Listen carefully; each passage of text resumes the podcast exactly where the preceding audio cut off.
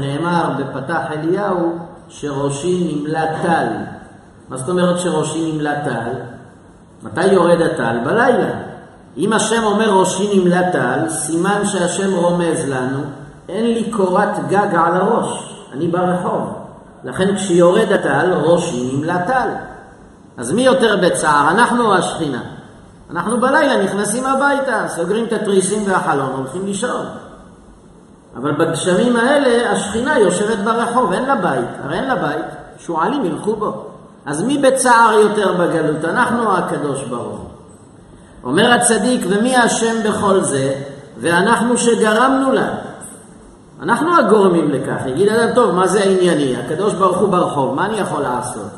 לא, אתה יכול לעשות הרבה, כי זה בעצם אנחנו גרמנו את זה לשכינה. כמו שנאמר בישעיה, ובפשעכם שולחה אימכם. הפשעים שלנו שילחו את האימא, האימא זה כינוי לשכינה. ובעוונותינו הרבים, על ידי עוונותינו מעריכים הגלות. אומר הצדיק, ואורך הגלות, קרוב לאלפיים שנה, זה בעצם בגללנו. אנחנו מעכבים את הגאולה. ומי האיש אשר לא יחרד ולא יילפת על אורך גלות השכינה. מה אנו ומה חיינו, שעטר את ראשנו בצער שאין אחריו צער. אומר הצדיק, ואם האדם יש לו רגש, לב רגיש, יש לאדם מצפון, הוא צריך להיות בלחץ, צריך להפריע לו שהשכינה בגלות. אנחנו האמת היא לא חושבים על זה, לא שאנחנו חס ושלום לא אכפת, אבל בשגרה היומיומית אתה לא חושב על זה. אבל אם האדם יעצור לרגע ויתבונן, ויגיד, רגע, כשאני נכנס הביתה ונועל את הבית, ויש לי מזגן וחימום, השכינה ברחוב. ראיתם בימים האחרונים איזה גשמים. נכון, אתה ברחת הביתה, סגרת את הדלת, אה, ברוך השם. יש גשם בחוץ, אבל בבית, ברוך השם. תאר לך עכשיו בן אדם עומד בגשם הזה, איזה צער. השכינה כבר אלפיים שנה ברחוב. אין לה בית, הבית שלה חרב. אז כמה צער צריך להיות לנו רק לחשוב על האימא שזו השכינה שהיא בגלות הארוכה. ואומר רבי יעקב, המפתח נמצא בידינו, המפתח לקצר. ולא רק שאנחנו לא תמיד לא מצטערים, אומר רבי יעקב, יש לנו בעיה לפעמים יותר קשה. ואנו יושבים ומבקשים צורכי גופנו, ואין איש שם על לב על אורך הגלות המר. אומר הצדיק, ובמקום לבכות על השכינה, אנחנו בוכים על דברים אחרים. בפתיחת הפרנסה כולם מכוונים חזק, נכון? תראה בפתיחת הפרנסה כולם עם טלית על הראש ובאיזה דבקות שתזמן לנו פרנסתנו, פרנסת אנשי ביתנו, ברווח ולא בטורח ולא בצער, איך אומרים את זה בדבקות? וכל המרבה לשלם הרי זה משובח. אבל בצמח דוד עבדך מהרה תצמיח, רצינו. המחזיר שכינתו לציון רצינו. אומר הקדוש ברוך הוא, על הפרנסה שלך אתה בדבקות, לא מפספס. ועליי אתה לא מבקש. אנחנו בגלות, לפעמים הלב שלנו נעשה גשמי, אנחנו עוסקים, לצערנו, אנחנו חיים בעולם גשמי. ובדור האחרון העולם עוד יותר גשמי, כי הגשמיות היום מציעה דברים בשפע. אבל עדיין אנחנו צריכים לזכור, לא לבקש רק על עצמנו, על הגוף שלנו, מה עם השכינה, מה עם האימא, השכינה הקדושה שהיא ברחוב. ואין איש שם הלב על אורך הגלות אמר, והכל תלוי בידינו. טוב, יגיד האדם, אז מה אתה רוצה ממני? הכל תלוי בידינו. כי על ידי מעשינו הטובים היא מתעלית, ועל ידי מעשים רעים חס ושלום נשפלת. והכל תלוי בידינו. אם השכינה תתרומם ותתעלה, בבחינת לאוקמה שכינתה מעפרה, או חס ושלום השכינה תתפלש בעפר, זה תלוי בנו. עכשיו שאנחנו יושבים כאן ולומדים תורה, אנחנו ודאי לא כל עם ישראל, אנחנו קבוצה קטנה. אבל תדעו לכם, עכשיו אנחנו פועלים, מרימים קצת את ראשה של השכינה, קצת. זה נותן לה קצת שמחה. לראות את בניה אחרי הרבה שנים עדיין עוסקים בתורת השם. חס ושלום להפך, כשאדם מתעסק בענייני עבירה, הוא כאילו משליך את השכינה יותר לעפר. אז אומר הצדיק, הכל תלוי בידינו. ומי אמר שזה באמת תלוי בידינו? כמו שאמרו רבותינו ז"ל, כל דור שלא נבנה בית המקדש בימיו, כאילו נחרב בימיו. יגיד האדם, אבל אני לא החרבתי את בית המקדש. היום אין בית מקדש, לא אנחנו החרבנו. כן, אבל אם היינו ראויים ומתוקנים, הוא היה צריך להיבנות.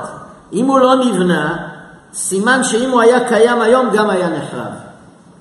והטעם כאמור, כיוון שבידינו תלוי הדבר, על כל דור שלא נתעורר לשוב בתשובה שלמה, כאילו גרם לחרב בית המקדש בימיו. אין בית מקדש כיום, זה אומר שאם היה היום הוא גם היה נחרב. כי אם הוא לא הצליח להיבנות היום, אז הוא גם היה נחרב היום אם הוא היה קיים. אז כביכול כל אחד בפוטנציאל יש לו שותפות בחורבן בית המקדש. וכיוון שכן, כל איש נבוב אי לבב, ואיש את רעהו יעזור, ולאחיו יאמר חזק ונתחזק, בעד שכינת עוזנו. עד לפה רבי יעקב נתן הקדמה שהמרכז שבה, או היסוד שבה, הגלות ארוכה בגללנו, בידינו לקצר, בידינו להועיל לשכינה, לרומם אותה, והשכינה בצער כל כך הרבה שנים, המפתח בידינו. איפה כל זה מתחבר לפסוק? אומר רבי יעקב, עכשיו דוד המלך אומר, וידעתי שעוונותינו הוא שגרם לעינוי הזה. כאילו אומר דוד המלך, אני יודע שאנחנו בני האדם מצערים את השכינה. אז מה אתה עושה דוד המלך בהתאם לכך? ולכן אני קם בכל לילה להשתתף בצערה. וזהו אקום להודות לך. זה מה שאומר דוד, חצות לילה אקום להודות לך.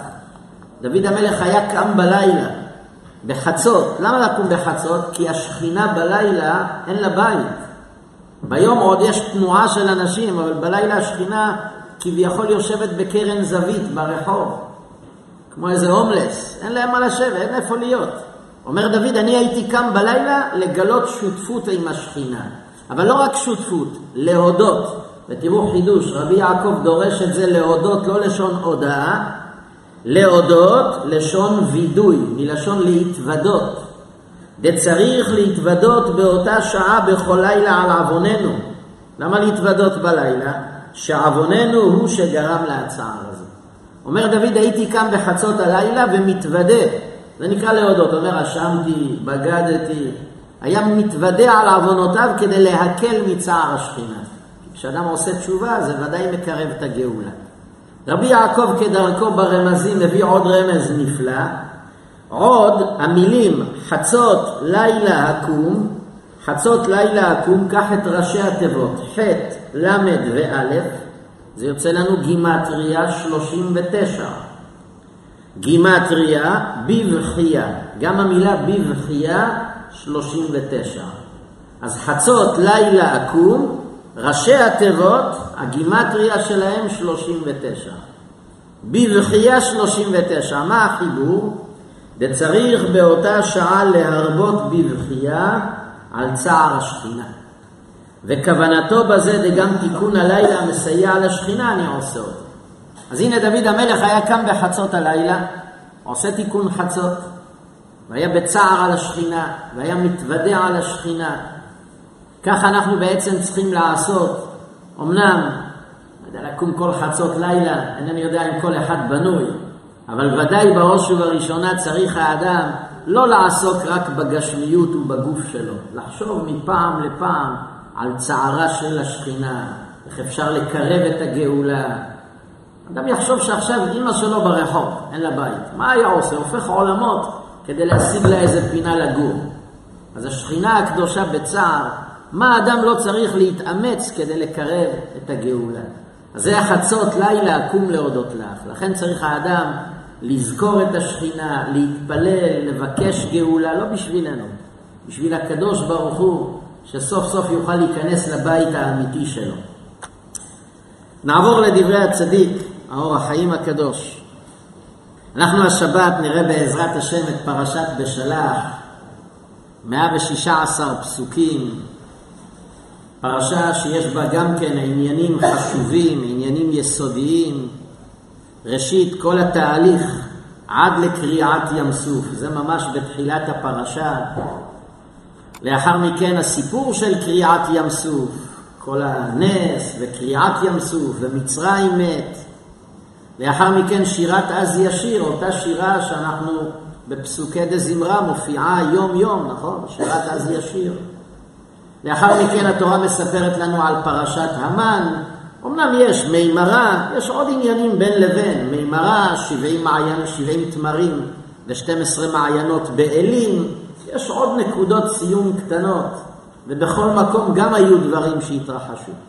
אבל הנקודות המרכזיות, אחרי קריאת ים סוף ושירת הים, אנחנו קוראים על ירידת המן, השם מבטיח להם גם להוריד להם בשר, זה הסלב, לקראת הערב בכל יום.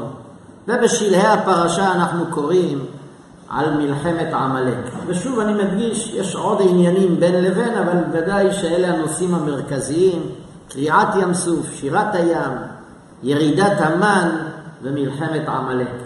זו פרשת בשלח, ועכשיו בשעות האלה סיימנו את יום ט"ו בשבט כמובן, זה כבר מאחרינו, אבל נכנסנו אתמול, והיום היינו גם ביום מיוחד לעם ישראל, שחז"ל אומרים שבט"ו בשבט מתגלים החסדים על עם ישראל.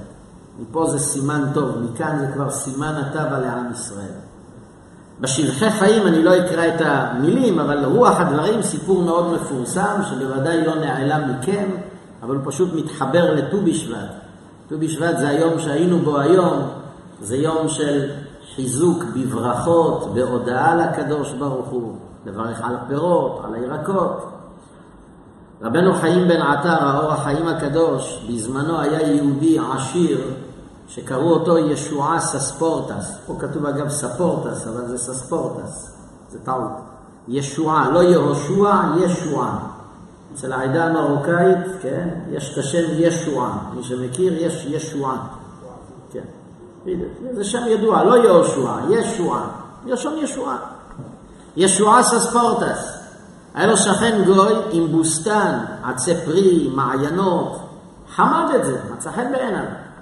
הוא שכנע את הגוי שימכור לו את אותו שטח אדמה. שטח פורה, מעיינות ועצים, ממש תענוג.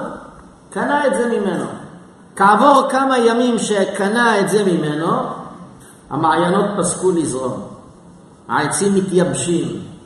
אותו יהודי בשם ישועה סספורטס מביא אגרונומים, מביא מומחים, תבדקו, גיאולוגים, מה לא הביא שיבדקו? לא יודעים איפה הבעיה. זה מעיינות שזורמים פה כבר עשרות אם לא מאות שנים, מה קרה התייבשו? אף אחד לא היה לו הסבר. עד שבצר לו הגיע לאור החיים הקדוש בעצמו. כולו נסער, כולו מבולבל. אמר לו הצדיק, לפני שאתה מדבר, קח כוס, תשתה, תרגע, תשתה קצת מים, תרגע, תרגע, תנוח דעתך. זה לקח את כוס המים שאתה קח מיד בלי ברכה. אמר לו האור החיים הקדוש, אני אגיד לך איפה הבעיה שלך. לא אגרונומים ולא גיאולוגים. אמר לו, כתוב בפסוק, ושאבתם מים בששון ממעייני הישועה, נכון? אמר, קוראים אותך ישועה, לא? ושאבתם מים בששון ממעייני הישועה. אתה ישועה רוצה לשאוב מים בששון מהמעיינות. אם תקפיד על בששון, תזכה לשאוב מים. מה זה בששון? אמר לו בששון זה ראשי תיבות. ברכות שיניים, שהכל הוא בורא נפשות. בששון, בית שין, ברכות שיניים, הכוונה על מים צריך לברך שתי ברכות, שין וו נון הנותרות, שהכל הוא בורא נפשות. אם תקפיד על ושבתי מים בששון, על שתי הברכות של המים, אז ושבתי מים בששון ממעייני הישועה.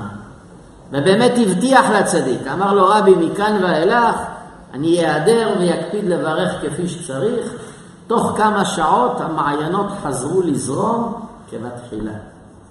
זה מעשה שהיה עם האור החיים הקדוש, אבל לענייננו, אם יצאנו מיום ט"ו בשבט נזכור שהשם בטובו ובחסדו נותן לנו הרבה שפע. איך אומרים בברכת מעין שלוש, לאכול מפריה ולסבוע מטובה. איזה פירות אנחנו זוכים להם בארץ ישראל. אתה נכנס לירקן, אתה רואה איזה צבעים, איזה ססגוני הכל, כמה דגמים וזנים של כל פרי וירק, והכל בטוב טעם. כמה צריך להודות להשם. כשאנחנו מברכים על מאכל או על פרי או על משקה, אנחנו לא עושים טובה להשם, אנחנו עושים טובה לעצמנו. כי הנה מהסיפור הזה אנחנו למדים, הברכה שאתה מברך את השם, זה מביא לך ברכה. ומי לא רוצה ברכה? מי לא רוצה שפע? אז ואברך מברכך, תברך את השם, תתברך בהתאם. הנה אותו יהודי זלזל בברכת שהכל פסקו לו המים. אז בהחלט מהיום הזה צריך לצאת מחוזקים בענייני ברכות, בענייני הודאה. ותמיד אני אומר בשיעורים, רק תחשבו, אדם אוכל עכשיו תפוז, תפוז, אוכל תפוז. זה דבר של מה בכך, לא? רק אם האדם יחשוב קדימה ויתבונן ויראה מה זה לאכול תפוז? הרי התפוז הזה, אתה יודע כמה מאות אלפי אנשים סביב התפוז הזה? אם רק נחשוב בהיגיון, מאות אלפי אנשים סביב התפוז. במישרים או בעקיפין. כי גם להוביל את התפוז מהפרדס, יש בשוודיה מפעל וולבו. הם ייצרו משאית שתוביל את זה, נכון? גם שם יש אנשים שהשם דואג להם. שייצרו את המשאית שתוביל את התפוז. וזה אני אומר מאות אלפי אנשים בעולם סביב התפוז. חלקם במישרים, חלקם בעקיפין. והתפוז הזה על העץ לא יודע כמה חודשים. החקלאי רק מזרים מים, החיים ממטרות, אבל השם דואג שיהיה מינרלים בזמן. שמש, ממגד תבואות שמש. הגמרא אומרת המתיקות של הפרי זה מהשמש. שמש בזמן, מינרלים, אוויר. כמה השם דואג לתפוז הבודד הזה. עד שהגיע לפה שלך. וגם כשהגיע לפה, כמה מערכות השם צריך להפעיל כדי שהגוף ילעס, יפרק, יעכל. תראה כמה אלוקים דואג לתפוז שאתה תהנה ממנו בסוף הנאה של כמה דקות. תשעה חודשים אלוקים על התפוז הזה. מה אלוקים מבקש? תברך אותי תשע שניות, תשע מילים. ברוך אתה השם בורא פרי העץ. ולפעמים האדם בעזות, כאילו אומר להשם, אין לי זמן אפילו תשע שניות להשקיע בך. אומר השם, אני תשעה חודשים מלווה את התפוז הזה, עד שהגיע לפיך. אתה תשע שניות לא יכול להקדיש? זה עניין הברכות. כמה אנחנו מחויבים להכיר טובה. ניכנס לדברי הצדיק, האור החיים הקדוש על הפרשה, אבל נפתח קודם כל בפסוקי הפרשה. התורה מספרת לנו במרכז הפרשה על. פרשת המן, אותו מן שהיה יורד לאבותינו. והתורה מספרת כך: וילונו כל עדת בני ישראל על משה ועל אהרון במדבר. מתלוננים, אנחנו נמצאים אגב פה בשלב הזה כבר כמעט חודש אחרי צאתה ממצרים. כי המן התחיל לרדת בט"ו באייר, והם יצאו בט"ו ניסן. אז אנחנו נמצאים פה סמוך לירידת המן, זה קרוב לחודש, הם כבר לא במצרים, הם כבר במסע במדבר. אבל בינתיים היה להם צידה. המצות שהם הוציאו וכל מיני מאכלים, עוד היה להם שאריות. אבל בשלב מסוים הם רואים את הסוף. האוכל הולך ונגמר. וילונו כל עדת בני ישראל על משה ועל אהרון במדבר. מתחילים התלונות. ויאמרו עליהם בני ישראל, מי ייתן מותנו ביד אדוני בארץ מצרים? הלוואי שהיינו חוזרים למצרים. היה עדיף למות במצרים. למה? בשבתנו על סיר הבשר, באוכלנו לחם לשובע. הם אכלו סיר בשר עם לחם לשובע? יש אומרים שהכוונה לא כל עם ישראל אכלו בשר במצרים, הם היו עבדים, המיוחסים שבהם, אלה שהיו השוטרים והקצינים, הממונים על העם. ויש אומרים שהכוונה לשנה האחרונה, הרי בשנה שהיה את עשר המכות, באותה שנה כבר לא היה שעבוד. ואז הם מדברים על השנה הזאת, אכלנו בשר. הם כבר הסתובבו במצרים כאדוני הארץ, כשהשם היכה את המצרים. על זה זה הם אומרים, היה עדיף לחזור למצרים, אכלנו בשר שם עם לחם. כי הוצאתם אותנו אל המדבר הזה להמית את כל הקהל הזה ברעב? מה הוצאתם אותנו למדבר הריק הזה? אין פה כלום. ככה הם מתלוננים. מיד מה השם עונה למשה? ויאמר אדוני אל משה, הנני ממטיר לכם לחם מן השמיים. אל תדאג, אני הולך להוריד להם לחם מן השמיים. ויצא העם ולקטו דבר יום ביומו. הם יקבלו את המן מדי יום ביומו, לא אחת לתקופה. למה אחת ליום? למען אנסנו הילך בתורתי אם לא. אז בעצם בפסוקים ראינו מצד אחד עם ישראל מתלוננים, מעדיפים לחזור למצרים, למה הוצאת למדבר? והשם מיד מזכיר למשה, אל תדאג, אני הולך לספק להם לחם לשובע. זה בעצם, מפה מתגלגלת פרשת המן על כל ירידת המן. שואל האור החיים הקדוש שתי שאלות בפסוק.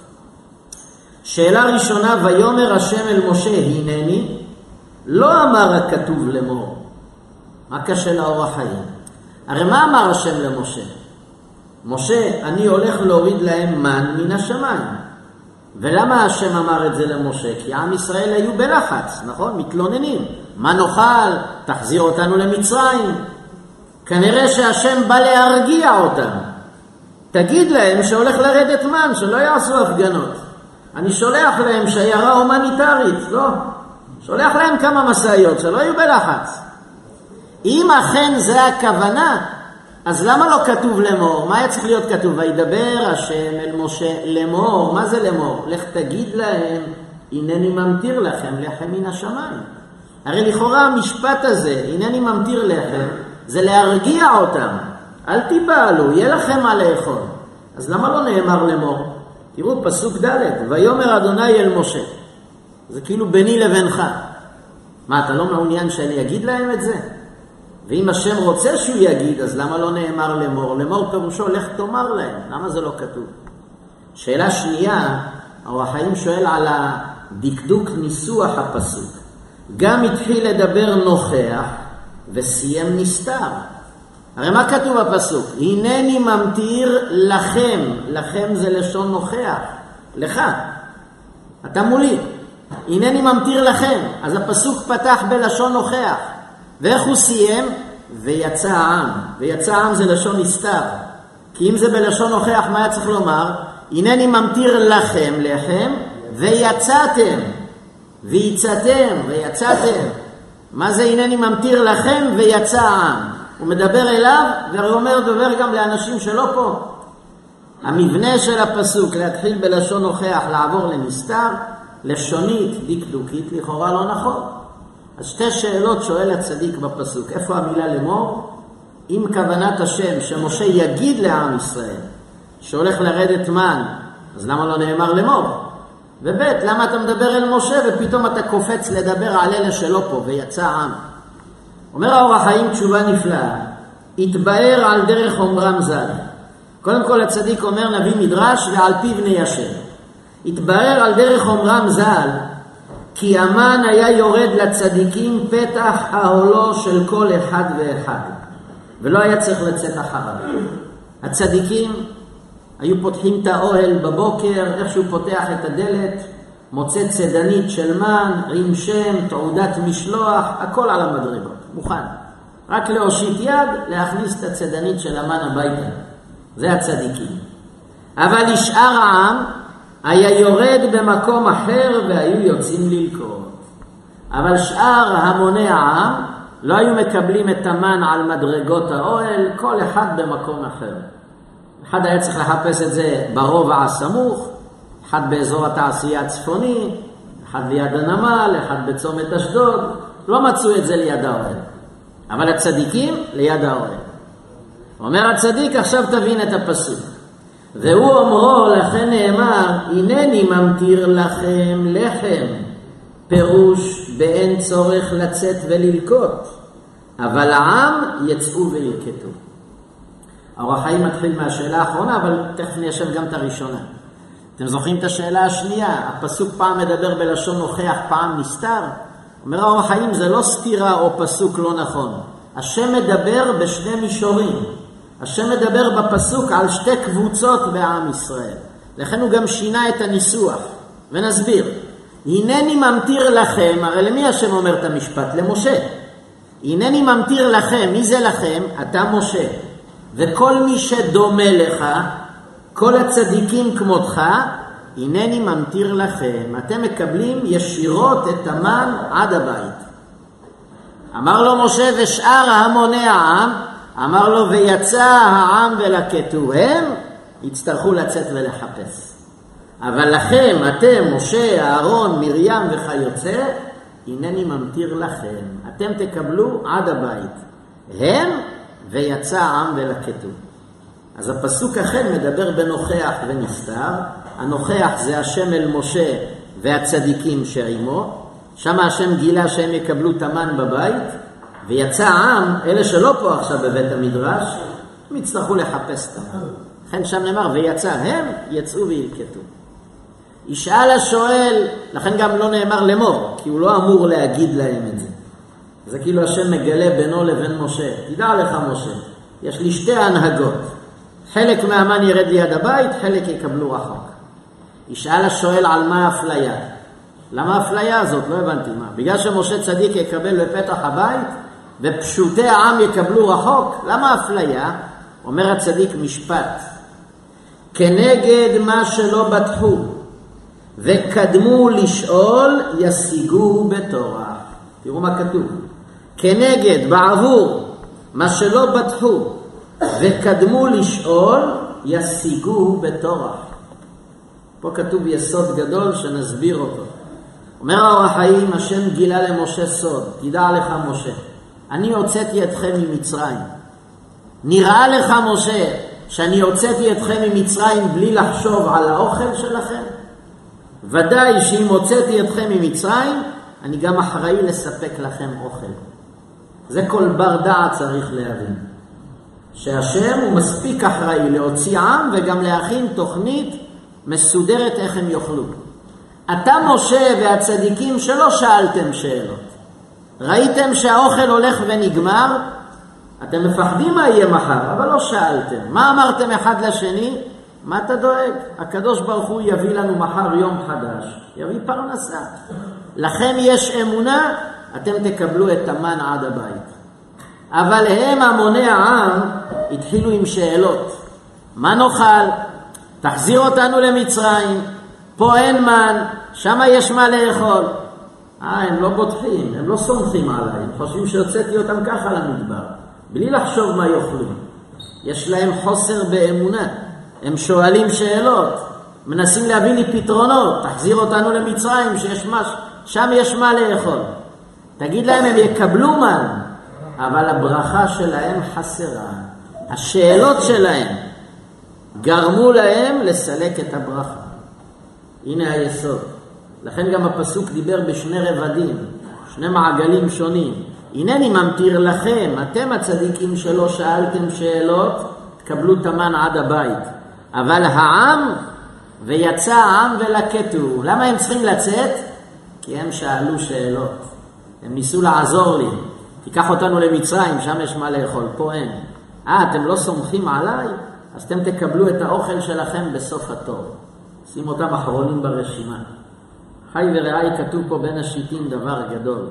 כשאדם מתחיל לפקפק, כשאדם מתחיל לשאול שאלות, הוא מסלק לעצמו את הברכה. תשאיר לקדוש ברוך הוא לעשות את העבודה. אל תחשוב שהשם הוציא אותך ממצרים והוא לא תכנן לך תוכנית עבודה. אל תחשוב, אלוקים הוא מספיק אחראי. כמה פעמים בחיים האדם בלחץ, מה נאכל מחר? מה יהיה חודש הבא? אתה חושב שאלוקים זרק אותך לעולם בלי תוכנית של אוכל? מה חשבת? אלוקים סתם יורה באוויר? מה? הקדוש ברוך הוא מספיק אחראי. תן לו לעשות את העבודה, מה אתה דואג? מחר יהיה מחר, אז גם יהיה אוכל. איך יגיע, אף אחד לא יודע. אלוקים יודע מצוין איך להביא לכל האדם את הפרנסה שלו. ואתה נותן להם את אוכלם בעיתו. כשאדם מתחיל לעורר שאלות, ומה יהיה מחר, ואיך נאכל, הוא רק מפריע על הקדוש ברוך הוא, תדעו לכם, הוא מפריע על הקדוש ברוך הוא, והוא מפסיד בסוף. הברכה מסתלקת. לכן המוני העם במדבר סיני היו צריכים יום יום לשוטט במדבר עד שימצאו את המן שלהם.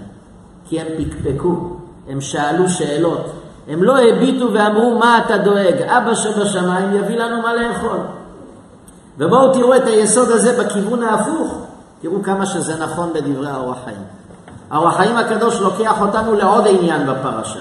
זה אור החיים מפורסם שראינו אותו כמה פעמים בהקשרים שונים. אבל אני רוצה לראות אותו מזווית שתתחבר למה שדיברנו. אם דיברנו ששאלות מרחיקות מהאדם את הברכה, בואו תראו שכשאדם לא שואל שאלות, זה פותח לו שערי ברכה. אז בואו ניכנס לסיפור של קריעת ים סוף. כתוב בפסוק, וירדפו מצרים אחריהם, וישיגו אותם חונים על הים, כל סוס רכב, פרעה ופרשה וחילו, ופרעה הקריב, ויישאו בני ישראל, ויישאו בני ישראל את, את עיניהם, והנה מצרים נוסע אחריהם, ויראו מאוד, ויצעקו בני ישראל אל אדוני, ויאמרו אל משה, המבלי הן קברים במצרים, לקחתנו למות במדבר? תגיד לי, משה, מה אתה עושה לנו? תראה, המצרים מאחורה, היה מקדימה, מה אתה רוצה להרוג אותנו? היה עדיף למות במדבר, במצרים. ויאמר אדוני אל משה, מה תצעק אליי? אמנם לא כתוב שמשה צעק, אבל מתוך תגובת השם אנחנו מבינים שמשה צעק. מה תצעק אליי? דבר אל בני ישראל וייסעו, תגיד להם שייכנסו למים. ככה מתחולל הרי הנס של קריעת ים סוף. שואל האור החיים הקדוש כמה שאלות, אני הבאתי שניים שנוגעות לעניין. שואל האור החיים שתי שאלות על הפסוק. שאלה ראשונה, מה תצעק אליי? קשה. ולמול מי יצעק אם לא להשם אלוקיו? ובפרט בעת צרה. דכתיב קראתי מצרה לי, וגם כתוב מן המצר קראתי יה. עוד קשה אומרו דבר אל בני ישראל וייסעו, להיכן ייסעו? אם רודף מאחור והים לפניהם? שתי שאלות. תראו לעצמכם, בן אדם מתקשר למוקד מכבי האש. הוא תקוע בקומה ה-70 בגורד שחקים. הוא מסביר למוקדן בטלפון, שמע, אני תקוע פה, קומה 70, אין מעלית, אין חשמל, עשן במדרגות, מה עושים? תארו לעצמכם שהמוקדן במכבי אש אומר לו, מה אתה מתקשר אלינו בכלל? מה אתם אומרים? זו תגובה הגיונית. רגע, אם אני לא אתקשר למכבי אש כשיש שריפה בבניין, אז למי אני אמור להתקשר, לא? נכון? ובנוסף אומר לו, אה, יש לך בעיה, אז תקפוץ מהגג, מה הסיפור? זה מה שהשם עשה פה, אומר האור החיים. משה מתקשר לקדוש ברוך הוא, אנחנו בבעיה. מה השם אומר לו? מה אתה צועק אליי? מה אתה רוצה ממני? אם לא אליך אני אפנה, אז למי אני אפנה? דבר שני, מה השם מגיב? אה, יש לכם בעיה, אז כנסו למים. מה זאת אומרת, רוצה שנתאבד? לא הבנתי. איזה מין תגובה אומר האור החיים, השם מגיב פה. יהודי מתפלל אליך, אתה צריך להושיע אותו. מה אתה צועק אליי? מה זה קשור אליי? אז לא אליך, אז למי? צריך להבין את התגובה של השם. פה האור החיים אומר יסוד מאוד מפורסם שדיברנו עליו כמה פעמים. אכן התבאר העניין על פי מאמרם ז"ל, שישראל היו נתונים בדין מה אלו אף אלו. אומר האור החיים באותה שעה, לפני קריעת ים סוף, עם ישראל הייתה עליהם מידת דין קשה, קטרוג מאוד קשה, קטרוג קשה. כי מלאכי השרת אמרו, אלו עובדי עבודה זרה, המצרים, גם אלו עובדי עבודה זרה. למה אתה מציל אותם ומטביע את אלה? והנה לצד שראה אל העליון, כי ישראל קטרגה עליהם מידת הדין. ואין אמת כי חפץ השם לצדק ישראל, אבל אין כוח ברחמים לצד מעשיהם כנזכר. השם רצה להושיע את ישראל, אבל הוא לא יכל. מידת הדין לא נתנה לו. אמרה, ריבונו של עולם, אם אתה מציל את בניך, זה לא הוגן, זה לא יושר. המצרים נענשו, גם להם מגיע עונש. איפה הצדק? הרי אתה השם מלך אוהב צדקה ומשפט. איפה הצדק? השם רוצה להושיע והוא לא יכול. אין לו מה לטעום. מה עשה השם? עקף את מידת הדין. אשר על כן אמר למשה תשובה ניצחת. מה תצעק אליי? מה התכוון מה תצעק אליי? פירוש. כי אין הדבר תלוי בידי. הגם שאני חפץ לעשות נס, כיוון שהם אינם ראויים, מידת הדין מונעת, ואין כוח ברחמים כנגד מידת הדין המונעת. אומר השם למשה, מה תצעק? זה לא אל תתפלל אליי, עכשיו זה לא זמן לתפילה. תפילה לא תעזור, משה. תצעק אליי, אבל לא עכשיו, עכשיו זה לא יעזור. למה לא יעזור? כי מידת הדין לא נותנת לי לעזור לכם. מידת הדין צודקת. עם ישראל עובדי עבודה זרה יהיו. למה שאני אגן עליהם? יש לי בעיה, משה. מה תצעק? אין טעם שתתפלל כי עכשיו זה לא יעזור. אז מה השם מציע? אומר לו השם, זאת העצה הייעוצה, אני אתן לך עצה עוקפת מידת הדין. להגביר צד החסד והרחמים.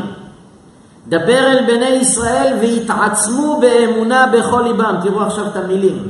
תגיד לעם ישראל שיתחזקו באמונה בכל לב וייסעו אל הים קודם שיחלק, לפני שהים נבקע. על סמך הביטחון כי אני אעשה להם נס. ובאמצעות זה תתגבר הרחמים, כי גדול הביטחון והאמונה הלז להכריעם לטובה. אומר האור החיים, משה רבנו ועם ישראל נמצאים ברגע מאוד קשה. מידת הדין לא נותנת לחולל נס. גם השם מודה, ידיי כבולות, לא יכול. אין טעם שתתפלל משה. אז מה עושים? דבר אל בני ישראל וייסעו. ואני אומר את זה במילים שלי, אבל זה כתוב באור החיים. אמר השם למשה, תדע לך, אני אגלה לך סוד גדול. עכשיו צריך לפתוח שערי רחמים, נכון? שערי נס. אתה יודע איך פותחים? אם עם ישראל ייכנסו למים בלי לשאול שאלות, בלי לפקפק, זה יפתח להם שערי נס. זה אומר האור החיים, אם יתעצמו באמונה וייכנסו לים לפני שיחלק, לא כשהוא יבש, כשהגלים שוצפים וגועשים, הם ייכנסו ולא ישאלו שאלות, זה יפתח להם שערי רחמים. וזה מה שקרה בסוף. ראינו פה דבר והיפוכו. מקודם בקטע הראשון אמר האור החיים במן, היו יהודים ששאלו שאלות. מה, השם יכול להוריד מן? מאיפה יוריד לנו פה לחם? לא הגיוני. משה, בוא נחזור למצרים. השאלות שלהם סילקו מהם את הברכה. למה סילק? הם צריכים לחפש את המן במדבר. מצד שני ראינו, אומר השם למשה, כשלא שואלים שאלות, זה לא רק שלא סוגר שערי שפע, זה פותח. עם ישראל במצוקה, מידת הדין לא נותנת לפתוח שערי שפע, תגיד להם להיכנס למים. אתם יודעים, כשאתה אומר לאדם תיכנס למים, מה מיד הוא שואל? תגיד, יש לך מצוף? יש גלגליה? משהו הבאת? הם לא ישאלו שאלות, כי השם אמר, תגיד להם שייכנסו, זהו, ככה אמרת. ועם ישראל נכנסים למים בלי שאלות, מה יהיה, נטבע. זה פתח להם שערי נס, הים נבקע על שניים. הנה היסוד החי וריאלי. האדם צריך לדעת, כשהוא מתחיל לשאול שאלות, מנסה להבין את השם, איך הוא יפרנס אותי, מאיפה יביא לי את הישועה, הוא מרחיק את הישועה. בשעה שהאדם אומר, יש אבא בשמיים, הוא מספיק אחראי, הוא יודע מה לעשות, הוא לא צריך את העזרה שלי, הוא לא צריך את ההכוונה שלי. זה פותח לאדם שערי שפע. אומר האור החיים בפרשת וישב, מקור ארבע, כי האדם גורם לעצמו את כל אשר תבונה עליו. כי אין דבר רע בא מהאדון הטוב לכל, בפרט לידידיו. תדע לך, אומר האור החיים, האדם מביא לעצמו ברכה או מסלק מעצמו את הברכה. הנה ראינו עכשיו שתי קבוצות בעם ישראל. במן הייתה קבוצה ששאלו שאלות. איך השם יפרנס אותנו במדבר? מאיפה יש לו לכל כך הרבה? אומר השם, אני אביא, אבל סילקתם לכם את הברכה. אני אפרנס, אתם בסוף התור תהיו. הברכה הסתלקה מכם. לכו תחפשו את המן. בים סוף, עם ישראל, או לפחות קבוצות מעם ישראל, אמרו, לא שואלים שאלות, גלגל ים, סירה, השם אמר להיכנס, נכנסים. מה יהיה, אל תדאג, השם יודע מה שהוא עושה. לא שאלו שאלות, זכו לנס הגדול שפתח להם שערי רחמים. אנחנו צריכים לדעת בחיים שאנחנו הרבה פעמים מפריעים לקדוש ברוך הוא לעזור לנו. לכן בשער, כמו שעכשיו אתם מבינים, זה רק בשביל הגימי, כן? כולנו צריכים לעבוד באלתא. מה זה תיבות? אל תפריע לאלוקים. אנחנו מפריעים לאלוקים לעזור לנו, שתבינו, אלוקים רוצה לעזור ואנחנו מפריעים לו. בואו ניתן דוגמה למשל, בואו נראה, מה זאת אומרת אני מפריע לאלוקים לעזור לי? כן, יעקב אבינו, בואו נראה יעקב אבינו. אומר המדרש תנחומה, מקור חמש, וישלח יעקב, זהו שאומר הכתוב, זה ראשי תיבות, זה שאמר הכתוב, מחזיק באוזני כלב, עובר, מתעבר על ריב לא לא. אומר שלמה במשלי, יש אדם שמתערב בעסק שלו שלו, זה נקרא עובר על ריב לא לא. הרבה פעמים האדם מתערב בעניינים שהוא לא אמור להתערב, נכון? היה חתן בחופה שלו, עומד תחת החופה והוא מסתכל, רואה שחמותו, האימא של הכלה, בוכה מהתרגשות. אז הוא הוציא מהכיס חבילת טישו נתן לה. והיא כולה מתרגשת, אומרת לחתן שלה, איזה ג'נטלמן אתה, אה? הבאת לי טישו, חשבת עליי? אמר לה, כן, אבל רציתי ללמד אותך לקח. בחיים שלי תדחפי את האף רק בטישו, שמעת? אל תתערבי לנו בחיים. זה רציתי לרמוז לך. הרבה פעמים האדם מתערב במקומות שהוא לא צריך להתערב. מי זה יתערב במקום שהוא לא צריך להתערב? שואל המדרש, מי הוא זה? למי התכוון שלמה מתערב באיפה שהוא לא צריך?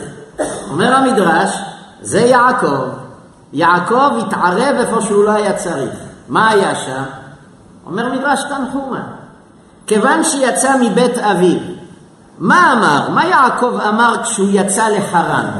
אם יהיה אלוקים עמדי, זוכרים? אם יהיה אלוקים עמדי, ושמרני בדרך. מה השיב לו הקדוש ברוך הוא? והנה אנוכי עמך, אני איתך, ושמרתיך בכל אשר תלך. אומר רבי חנינא בר יצחק, אשריו לילוד אישה שכך שמע מבוראו. ראו, כל מה שטבע מבוראו הבטיחו. אשרי האדם ששואל את אלוקים, אתה תהיה איתי? אתה תשמור עליי? ואלוקים משיב לו, אנוכי עמך ושמרתיך. יעקב זכה לזה. ביקש, קיבל הבטחה. לכאורה יעקב עכשיו, קיבלת מילה של הקדוש ברוך הוא שהוא איתך. מה אתה דואג? ועל כל ההבטחות הללו, הכוונה למרות כל ההבטחות, הוא משלח ואומר, כה תאמרון לאדוני לעשו. הוא מנסה להפעיל קשרים עם עשיו. תעזוב אותי, תרחם עליי, נתתי לך מתנות. אומר הקדוש ברוך הוא ליעקב, אני רוצה לעזור לך ואתה רק מפריע לי. עזוב את עשיו, תן לי לנהל את העניינים. יעקב הפריע לקדוש ברוך הוא. כשהוא שלח מתנות לעשיו, כשהוא אמר לעבדיו תגידו שאני עבדו, אומר השם הפרעת לי. אומר המדרש, ואיך השם תכנן לעזור לו? אז דבר נפלא, תראו כמה השם חכם, ואנחנו לפעמים רק מפריעים לו. כשיעקב יצא לדרך, אתם זוכרים, שניים רדפו אחריו, פחות או יותר באותו זמן. לבן רדף אחריו מאחור, ועשו בא לקראתו מקדימה. סוף פרשת ויצא, לבן רודף אחריו, תחילת וישלח, עשו בא לקראתו. לבן ועשו שתי מאפיונרים לא קטנים. למה השם שלח ליעקב את שתיהם בו זמנית? תראו כמה חוכמה יש לקדוש ברוך הוא. לבן ועשו היו שונאים אחד את השני. היה להם הרבה מאבקים על עסקי שליטה של עבירות ופשע. כל אחד מחפש לחסל את השני, אבל היה להם פחד אחד מהשני. הם היו יריבים. לבן עכשיו רודף אחרי יעקב, יש לו ברצונו להרוג את יעקב. פתאום הוא מקבל מידע, עשיו בדרך. אמר לבן, אני אהרוג את יעקב, ואני יודע שעשיו גם רוצה להרוג את יעקב. אבל אם אני אהרוג את יעקב, עשיו עכשיו ימצא עילה להרוג אותי. יגיד עשיו, אתה הרגת את אחי הצדיק? אני אנקום בך. אז לבן רוצה להרוג את יעקב, אבל בגלל שעשיו בסביבה, הוא מפחד לגוע בו. אומר המדרש, ובדיוק אותו דבר קרה לעשיו. עשיו בא לקראת יעקב כדי להרוג אותו, אבל הוא מקבל מידע שגם לבן בסביבה. אומר עשיו, בינינו, אם אני הורג את יעקב, לבן יגיד לי תודה, אבל כלפי חוץ, הוא ימצא עילה עכשיו להרוג אותי, לחסל את המתחרה שלו. מה הוא יגיד? אתה רצחת את החתן שלי הצדיק, יעקב, אני אהרוג אותך. מה עשה השם? הביא את לבן, הביא את עשיו, אחד מאיים על השני, ויעקב מוגן באמצע. אומר השם, אתה רואה איך אני מושיע אותך, אז מה אתה מפריע לי? מתקשר לעשיו, הלו, תרחם עליי. מה אתה צריך לדבר איתו בכלל, אומר השם? יש לי תוכנית יותר טובה בשבילך. אומר המדרש, אז מי יתערב איפה שהוא לא צריך להתערב? יעקב אבינו. ראיתם, האדם חושב שהוא יעזור לקדוש ברוך הוא. אל תעזור לקדוש ברוך הוא, מסתדר יפה טוב בלעדיך. הוא לא צריך עזרה. יש לך בעיה, תפנה אליו. אל תיתן לו עצות איך. אתם יודעים למה אנחנו דומים? זה כמו אדם יש לו עכשיו בעיה, אני יודע, בארנונה, בעירייה. יש לו בעיה. ויש לו קצת קשרים, סידרו לו פגישה עם ראש העיר. טוב, סידרו לו פגישה עם ראש העיר. אומר לו ראש העיר, תגיד, מה הבעיה? אומר, כבודו, יש לי בעיה בארנונה. באותה נשימה, במקום להגיד לו, יש לי בעיה, תן לו לפתור, הוא עוד ממשיך. תראה, אדוני ראש העיר, אתה מכיר את שרה ממחלקת תברואה קומה שלישית? גיסתה זאת חדווה, קומה שנייה מחלקת כוח אדם. אם תדבר עם שרה, שתדבר עם גיסתה, שתדבר עם שכנתה, שבמחלקת ארנונה זה יעזור לי. מה ראש העיר יגיד לאחד כזה, אתם יודעים? אני רואה שאתה מסודר טוב בבניין העירייה, אז מה אתה צריך אותי? באת לראש העיר שיפתור לך בעיה, אתה לא צריך גם להגיד לו איך לפתור לך את הבעיה. זה הבעיה שלנו. אנחנו מבקשים מהשם פתרון וגם אומרים לו איך לפתור לנו את הבעיה. תנו עוז לאלוקים, תן את העוצמה לקדוש ברוך הוא. מה אתה חושב, שהוא לא יודע לנהל עניינים? יעקב אומר להשם תשמור עליי, ובאותה נשימה הוא גם מנסה לסדר פרוטקציות מול עשיו. אז למה קראת לי, אומר השם? אתה מסתדר לבד, לך תסתדר. זה התכוונו, אל תפריע לאלוקים. כשאדם מתחיל לשאול שאלות, וכשאדם אומר כמו בני ישראל, תראה פה מה נאכל, אז אולי נחזור למצרים, שם יש אוכל, זה נקרא שהם מנסים לעזור לאלוקים לפתור את הבעיה. אל תעזור. יש לך בעיה, דבר עם הקדוש ברוך הוא. זהו, תציג את הבעיה. הוא מספיק חכם לדעת מאיפה להביא לך את הישועה. אסור לנו להפריע לקדוש ברוך הוא לעזור לנו. כי השאלות, הרעיונות שאנחנו מנסים לפעול בעוד מישורים, רק מרחיקים את הישועה האמיתית של הקדוש ברוך הוא. יש כאן תמונה של יהודי שחי היום בארץ, כן? הרב נחום הכהן. הירושלמים מכנים אותו בתואר בבא נחום, לא בשלילה כמובן, כמו אדמו"ר. היהודי הזה, יש לו 19 ילדים, למעלה מ-200 נכדים, והוא סיפר שהוא חיתן את כל ה-19 ילדים בלי לקחת הלוואה אחת. והוא לא אדם שיש לו איזה משרה מסודרת עם משכורת ופנסיה, אז אמרו לו איך עשית את זה? אז הוא אמר דבר כזה, הוא היה צמוד ולמד הרבה ביטחון מהשמש של האדמו"ר רבי שלומקה מזוויל, אדמו"ר מפורסם מאוד, רבי שלומקה מזוויל, האדמו"ר מזוויל שהרבה עולים על קברו. היה לו יד ימינו ושמשו יהודי בשם רבי אליהו רוט, כך קראו אותו. והוא אומר, ואני למדתי אצלו, הייתי דבוק בו. והוא אומר שרבי אליהו רוט אמר לו כמה פעמים והזהיר אותו, אמר לו רבי נחום, יש לך 19 ילדים, כשתצטרך לחתן אותם, אל תיקח הלוואה. אמר לו, אז מה נעשה? 19 ילדים, 19 חתונות, זה פרויקט. אמר לו, כל פעם שאתה צריך לחתן ילד, קח ספר תהילים וסע לכותל. תודה קודם כל להשם על שעבר, שנתן לך, ותבקש על העתיד. תקרא תהילים, תתחבר, ותבקש את הבקשה שלך מהשם. ואל תתבייש, תגיד לקדוש ברוך הוא בפה מלא, כמו שאתה מדבר עם בן אדם. אני צריך כך וכך לאולם, כך וכך לאנידוניה, תגיד, פירוט. ותסיים, ריבונו של עולם, אני זקוק, תעזור לי, וזהו, תלך. אמר לו, ו? אמר, תשאיר לאלוקים, הוא יודע מאיפה להביא לך את הכסף, הוא לא צריך שתיתן לו הכוונה. הוא לא צריך. הוא אומר, ועבדתי בשיטה הזאת, חיתנתי 19 ילדים, ולא הייתי צריך הלוואה מבן אדם אחד. אז למה לנו זה לא קורה? כי אנחנו עומדים מול הכותל ומתפללים ואומרים, ואולי השם לא ייתן בסוף כלום, ואולי לא יהיה. אז אולי ליתר ביטחון, אתה יודע מה, בוא ניסע לבנק, ניקח הלוואה על כל מקרה.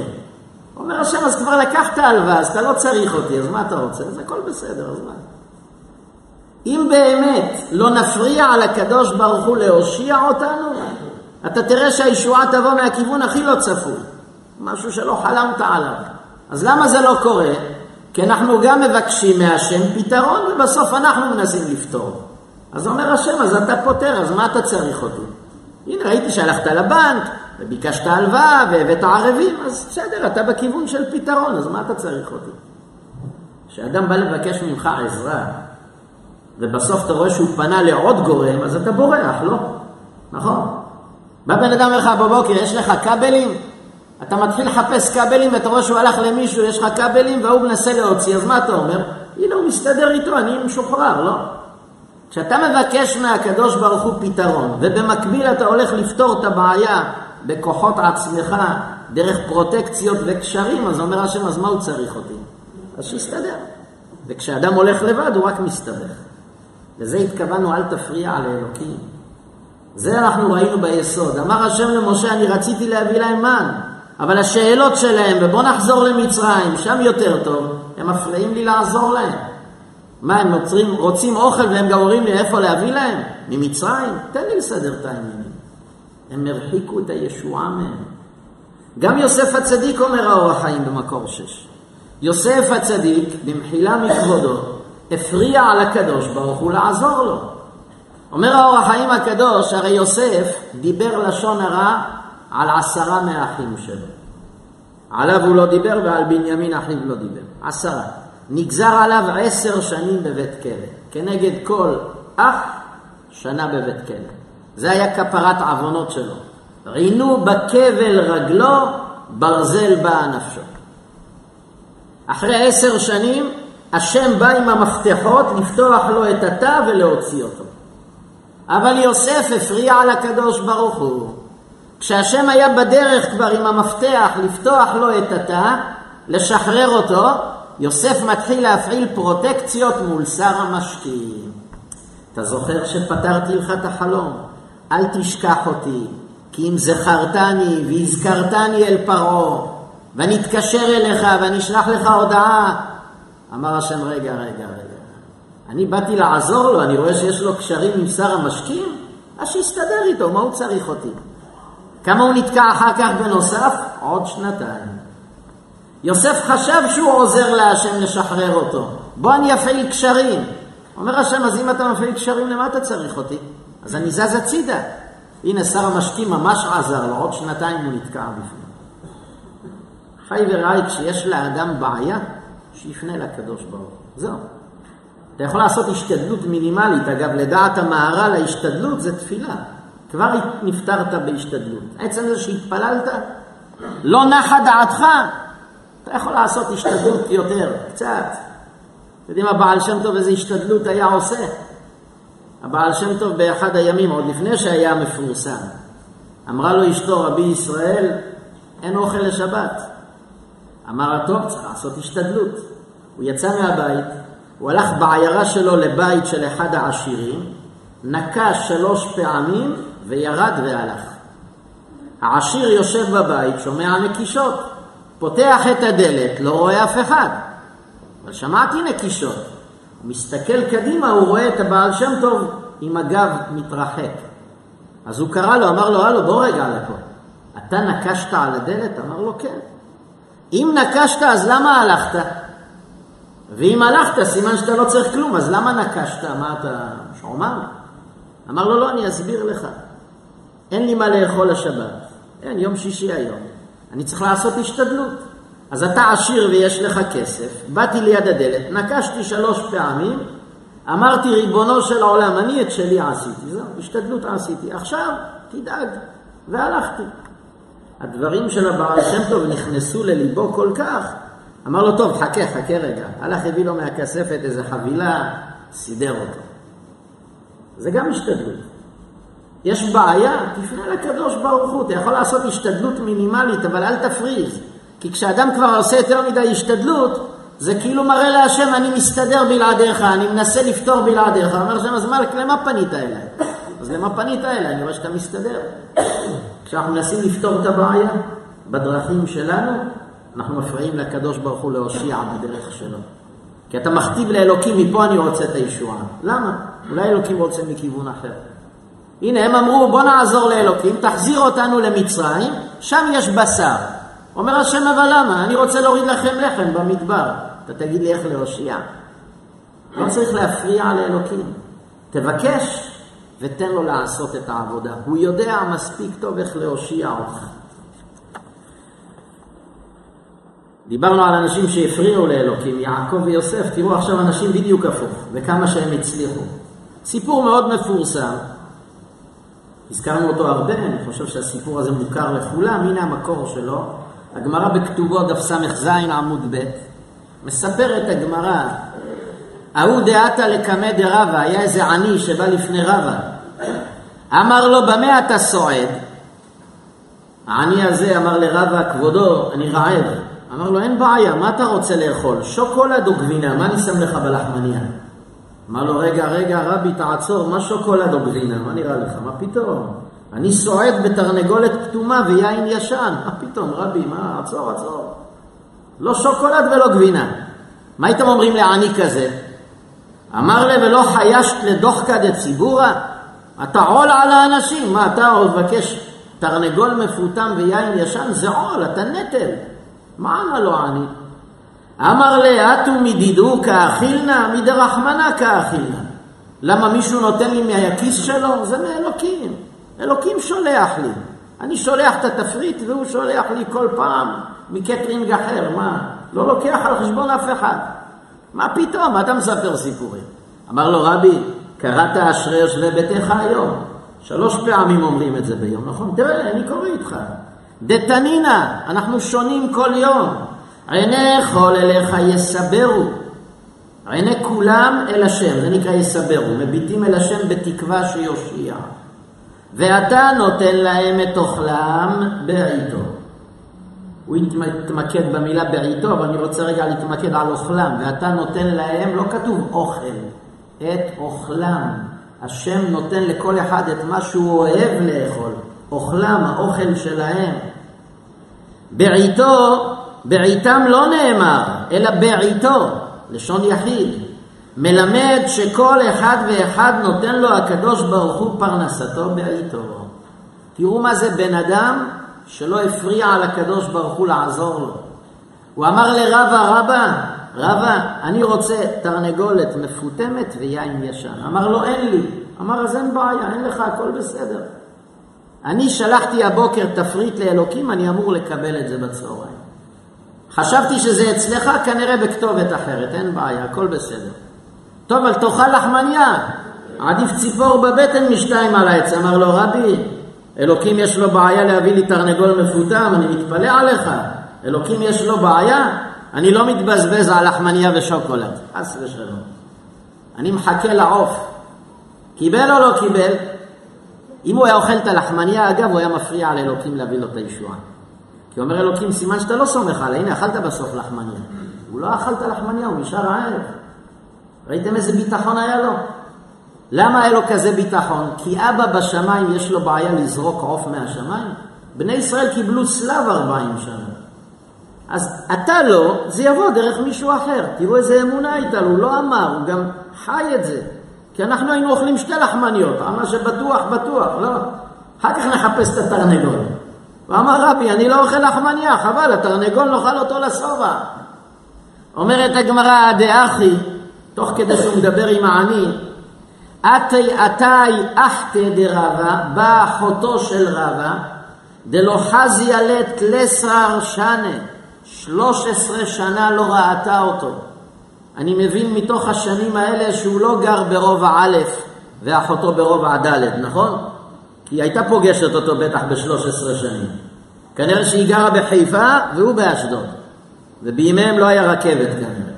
אז 13 שנים לא ראתה אותו. ואתיה לה, בגלל שהיא באה לפגוש את אחיה הצדיק המפורסם, היא רצתה לכבד אותו. אתיה לתרנגולת פטומה ויין ישן. היא באה להפתיע את אח שלה. מגש עם תרנגול מפותם ויין ישן. אמר, מהי דקמה? רבא שואל אותה, מה יש פה במגש? אז היא אמרה לו, תרנגול מפותם ויין ישן. אמר לה, אז הוא אומר לעני, נעניתי לך. רש"י אומר, נעניתי לך, דיברתי סתם דברים נגדך. קום אכול, לך תאכל. עכשיו תראו את הפלא. למה אמרתי שאחותו גרה בחיפה? יכול להיות אפילו יותר רחוק. להגיע באותו יום שעני מחכה לעוף, זה אומר שיצא כנראה שבוע לפני כן לדרך. אולי יומיים, שלוש, לא משנה. אבל היא לא גרה בניין לידו. היא כנראה בעיר אחרת. היא יצאה כנראה יום-יומיים לפני כן לדרך. זה אומר שהשם כבר שלח את העוף יומיים לפני שהעני רעב, כבר השם הכין לו את העוף, לא? הרי היא כבר יומיים נוסעת ברכבת עם צדנית שיש בה עוף ויין ישן. למי זה מיועד? לעני שבעוד יומיים יצטרך לאכול את זה. שמעתם? אמר העני לרבה כבודו, אתה תאכל לחמניה עם שוקולד, אני לא. למה לא? אני שלחתי תפריט בתחילת החודש להשם, אני רוצה עוף מפותם ויין ישן, עד היום השם לא אכזב אותי. פעם בקטרינג הזה, פעם מזה, אבל תמיד קיבלתי. וגם באותו יום הוא קיבל. אם הוא היה אוכל את הלחמניה, הוא היה מפריע להשם. אמר לו השם, אז תסתפק בלחמניה. אבל הוא האמין שהשם ייתן לו. לזה התכוונתי, אל תפריע על הקדוש ברוך הוא. ביקשת? עצור, זהו. תשאיר לאלוקים את הדרך איך להושיע אותך. אדם זקוק עכשיו לכסף. תעמוד ותתפלל בלב מלא, לא רק ככה מעשה, תתפלל בעומק הלב. אמרת לאלוקים כמה אתה צריך, הסברת לו למה, זהו. תסיים והטוב בעיניך עשה ותמשיך הלאה את החיים. ואתה תראה שבסוף הדברים יסתדרו מהכיוונים הכי לא צפויים. אבל ברגע שסיימת להתפלל ורצת לקחת הלוואות מגמחים, אומר השם, רגע, אז הוא לא צריך אותי, אני רואה שהוא עושה את העבודה מאוד יפה בלעדיי. אז אה, בסדר, שיסתדר. בהמשך נראה, אולי נעזור. תראה לאלוקים שאתה רציני בבקשה שלך. הנה, העני הזה היה רציני. הגמרא אומרת, היה חכם בשם רבי דניאל בר קטינה, תעני דף ט. אבא להאי גינתה, אין לו גינה, גינה זה אומר שדה עם ערוגות. כל יום אבא אזיל וסייר לה. כל בוקר היה גומר שחרית, עושה סיבוב בשדה. אמר, הוא היה אומר ומצביע, המשרה, משרה זה ערוגה. הערוגה הזאת בעיה מאיה. המשרה לא בעיה מאיה. רבי דניאל היה מסתובב בבוקר בגינה שלו, בחצר, בשדה, והיה אומר, כאילו בינו לבין עצמו, הערוגה הזאת צריכה ליטר מים, זו חצי ליטר, זה חמש ליטר, זה שתי סיסי, ככה מסמן והולך. גומר את הסיבוב, נותן הוראות והולך. ועתה מיתרא, אומרת הגמרא, היה מגיע גשם, וקמשקה כל אחד דבעלה מאיה. והגשם הענן היה מוריד את המינונים שהוא ביקש. יש אומרים צדיק גוזר, יש אומרים לא, לא בגלל צדיק גוזר. רבי דניאל אמר, רגע, הקדוש ברוך הוא יכול להוריד גשם לכל כדור הארץ, הוא אבא שלי, למה שלא יוריד לי גשם? אז למה אני צריך להפעיל את הממטרה עם המחשב פה ככה? אבא שבשמיים, הוא היה מסתובב כל בוקר מדבר עם הקדוש ברוך הוא, אבא, אני צריך פה חמש ליטר מים, פה ליטר, פה ארבע ליטר, פה חצי, והולך. משאיר את העבודה לקדוש ברוך הוא. לאלוקים יש לו בעיה להוריד. הולך, זהו. ואלוקים היה רואה כזה ביטחון יש לו, ראית, נתן הוראות והלך, אז מי יוריד לו את הגשם? השם היה מוריד ענן אחריו ומשקה במינונים הנצרכים. ראיתם? הוא לא הפעיל ממטרות, לא הלך להביא מים, אמר ריבונו של עולם, הרי אתה כל יכול, נכון? יש לך בעיה להוריד לי גשם? תעשה את זה בבקשה. היה מבקש והולך, וכל יום היה מקבל את הגשם כפי שהוא היה צריך. ואתה נותן להם את אוכלם בעיתו. רק הבעיה שאנחנו לא תמיד חיים את זה, זה הבעיה. אדם הלך לכותל והתפלל, ומיד אחר כך מתחיל להפעיל קשרים עם כל העולם. אז רגע, אז פנית למלך, אז מה אתה פונה עכשיו לעבדים? אז תן למלך לטפל. כשהמלך לא יעזור, אבל עוד לפני שהמלך התחיל לטפל, אתה כבר מנסה לטפל בבעיה, אז אתה רק מפריע לו.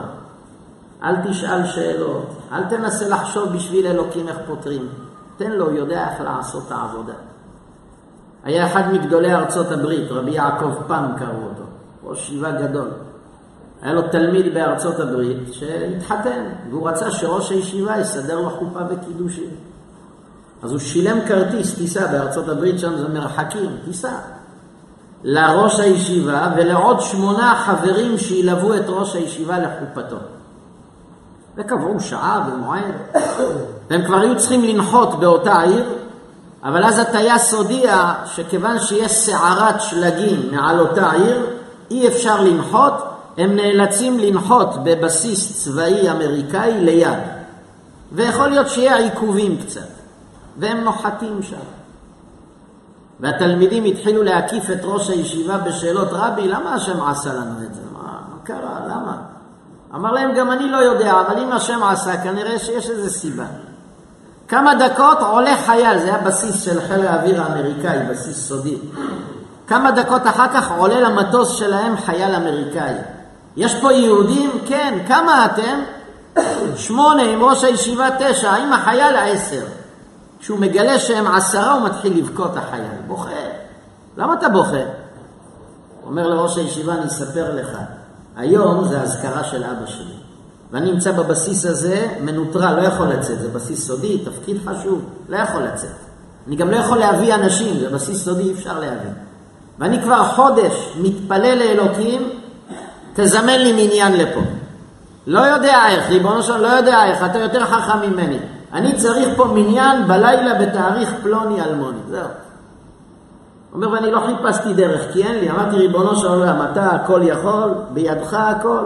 אני צריך פה מניין בעוד חודש בלילה, זה לא יודע, ככה אני מבקש. והנה משמיים, הנה הלילה, תשעה ואני עשרה. בוא נעשה ערבית. תפלל איתם ערבית, אמר קדיש. אמר להם ראש הישיבה, תראה מה זה יהודי.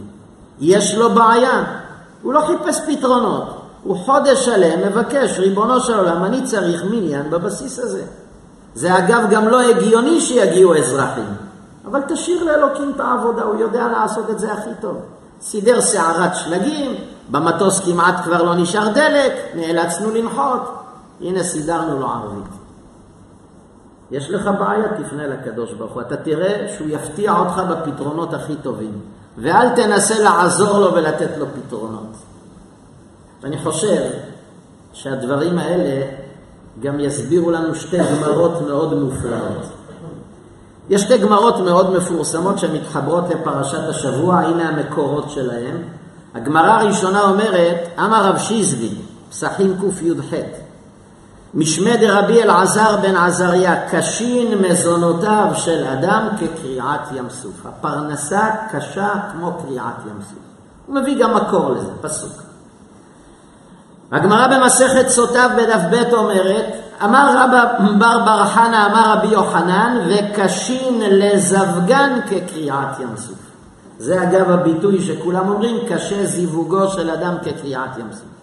אז הנה שתי גמרות, פרנסתו של אדם וזיווגו של אדם קשים כקריעת ים סוף. אני בטוח שבכל שבע הברכות ובכל סעודת אירוסין שמעתם את הגמרא הזו, לעשו אותה מכל הכיוונים כבר, נכון?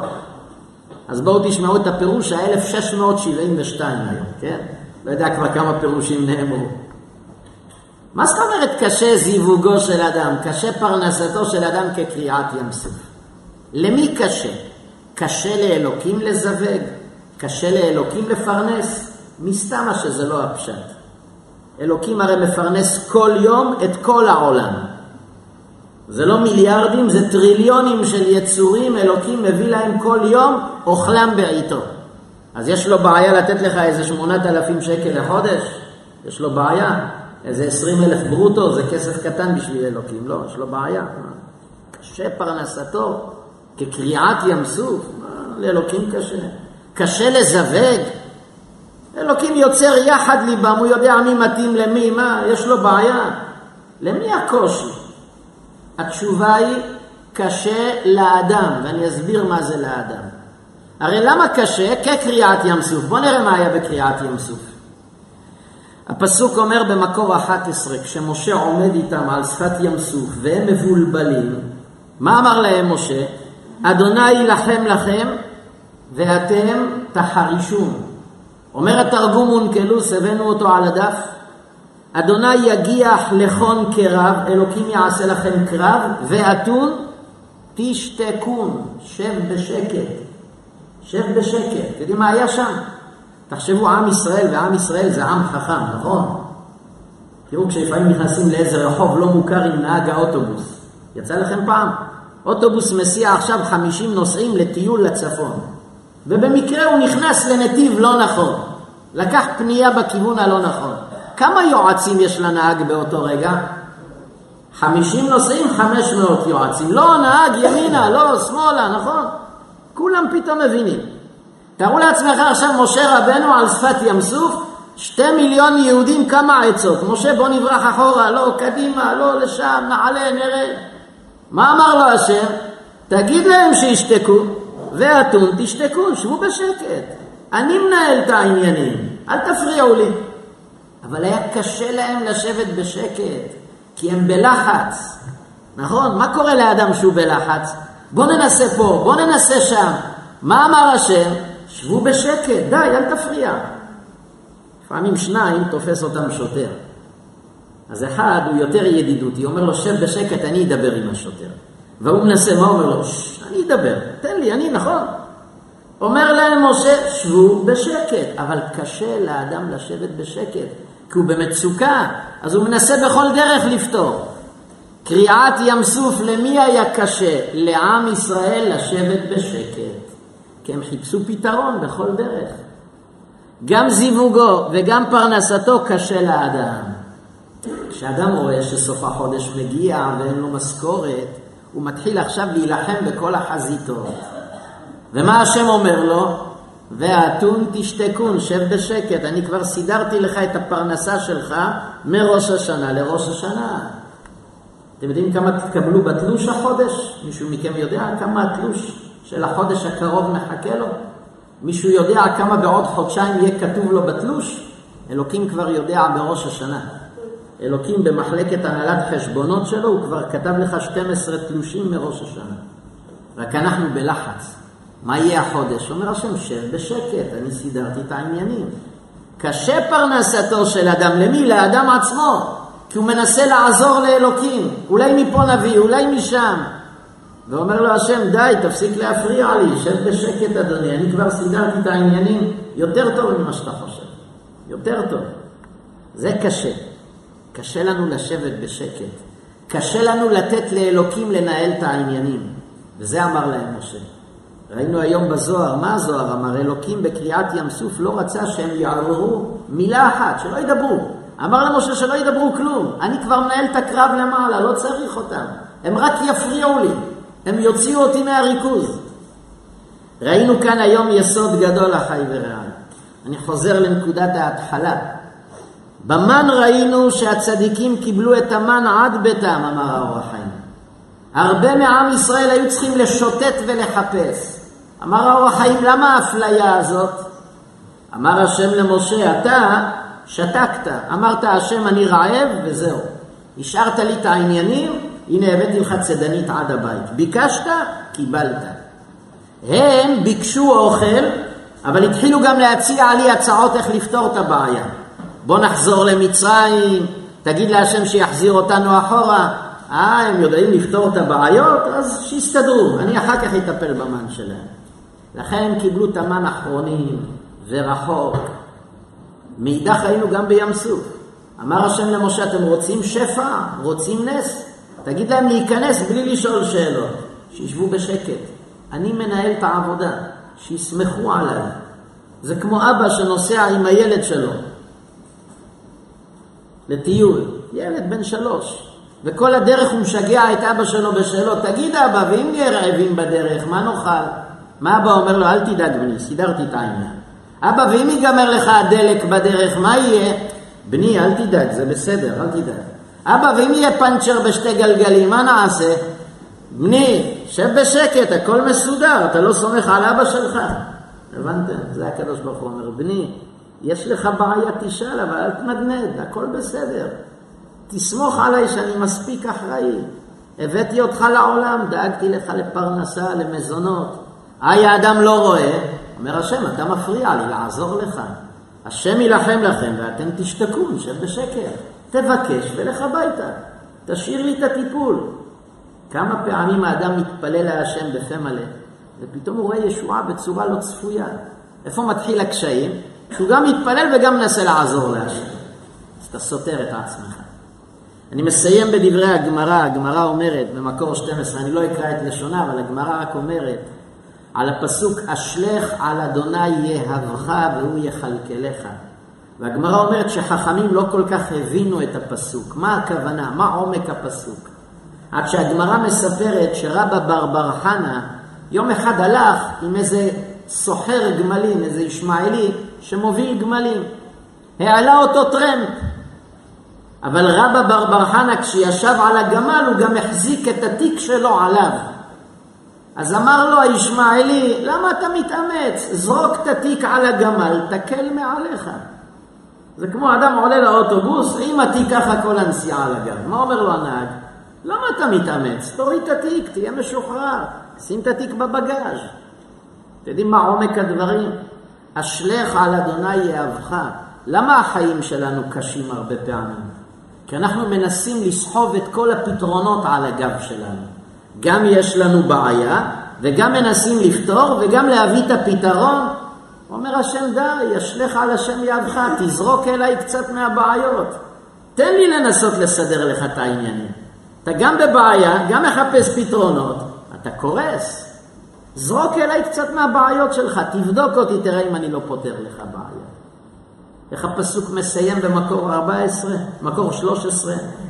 אומר השם בסוף, כי אדוני אלוהיך ברכך בכל מעשה ידיך. ידע לכתך את המדבר הגדול הזה, זה ארבעים שנה אדוני אלוהיך עמך. לא חסרת דבר. אומר השם, אחרי ארבעים שנה, כמה בעיות עשיתם לי, כמה הפרעתם, כמה שאלות. מבט לאחורה, היה חסר לכם משהו? קיבלתם לחם בזמן, מים בזמן, בשר בזמן. נו, היה חסר לכם משהו? אז למה כל החיים אתם בלחץ? חי ורעי, צריך לקום מחר בבוקר רגועים. לא אומר שאין בעיות בחיים, לא אומר שאין חסרונות. יש בעיה, יש כתובת, בוא לארון הקודש. תקרא כמה מזמורי תהילים, תגיד ריבונו של עולם, אני צריך היום כך וכך, וזהו, אשליך על השם יאהבך. אם בעוד חודשיים הוא לא פתר לך את הבעיה, תחפש דרכים אחרות. אבל בדרך כלל השם פותר די מהר את הבעיות. תן לו אבל לעשות את העבודה, אל תפריע לו. ייתן הקדוש ברוך הוא שנזכה בעזרת השם להלך באמונה אמיתית, אמונה שלמה, לתת לקדוש ברוך הוא לעזור לנו באמת. אנחנו נבקש והוא כבר יסייע. רצון יראיו יעשה, ייתן השם שזכות הצדיקים שהגינו הלילה בתורתם, רבי שמעון בר יוחאי, רבנו חיים בן עטר ורבי יעקב אבוחצירא, וכמובן כל הצדיקים שהזכרנו את שמם ותורתם, בעזרת השם יליצו טוב בעדכם ובעד בני ביתכם. ימלא האל כל משאלות לבכם לטובה. היום כך ציינו זה גם הילולתו של אביו של האור החיים הקדוש, רבי משה בן עטר. אז גם זכותו תעמוד לכולם. שהקדוש ברוך הוא ייתן שפע וברכה לכולכם ולכל בני ביתכם, שהשם ישלח שמירה והגנה לכל חיילי ישראל בכל מקום שהם, ושהקדוש ברוך הוא ישיב את כל החולים והפצועים והשבויים בריאים ושלמים. ידבר אויבינו תחתנו, המה קרעו ונפלו, ואנחנו בעזרת השם נקום ונתעודד ויהיו הדברים לנשמת מאיר אל חרר בר יקות ותומר בן חנן. אברהם בן שושן, רוח השם תניחם בגן עדן. רבי חנניה בן עקשיא אומר, רצה...